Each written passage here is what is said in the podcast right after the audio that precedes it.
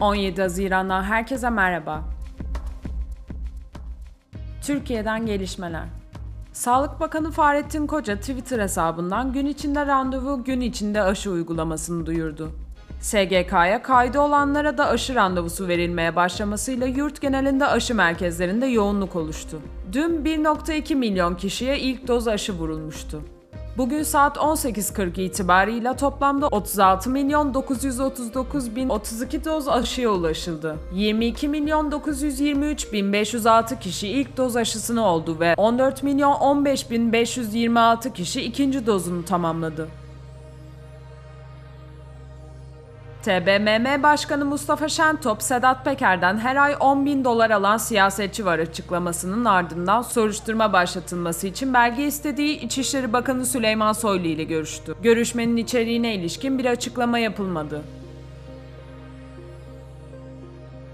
Ankara Barosu Başkanı ve Yönetim Kurulu üyeleri hakkında Diyanet İşleri Başkanlığı'nın Cuma hutbesinin eleştirildiği bir açıklama nedeniyle açılan soruşturmada, kamu görevlisine dini inanç, düşünce ve kanaatlerini açıklaması nedeniyle görevinden dolayı hakaret suçlamasıyla iddianame hazırlandı.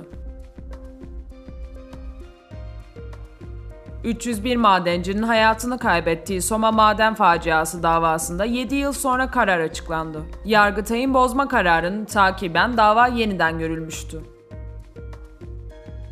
Dünyadan gelişmeler ABD ve Avrupa Birliği havacılık şirketi Airbus ve Boeing'e sağlanan desteklemelerden ötürü karşılıklı olarak uyguladıkları 1,5 milyar dolarlık ilave gümrük vergilerini 5 yıl için askıya almaya karar verdi. Hindistan'da Teknoloji Bakanı Ravi Shankar Prasad, Twitter'ı Mayıs'ta yürürlüğe giren internet düzenlemesine uymamakla suçladı.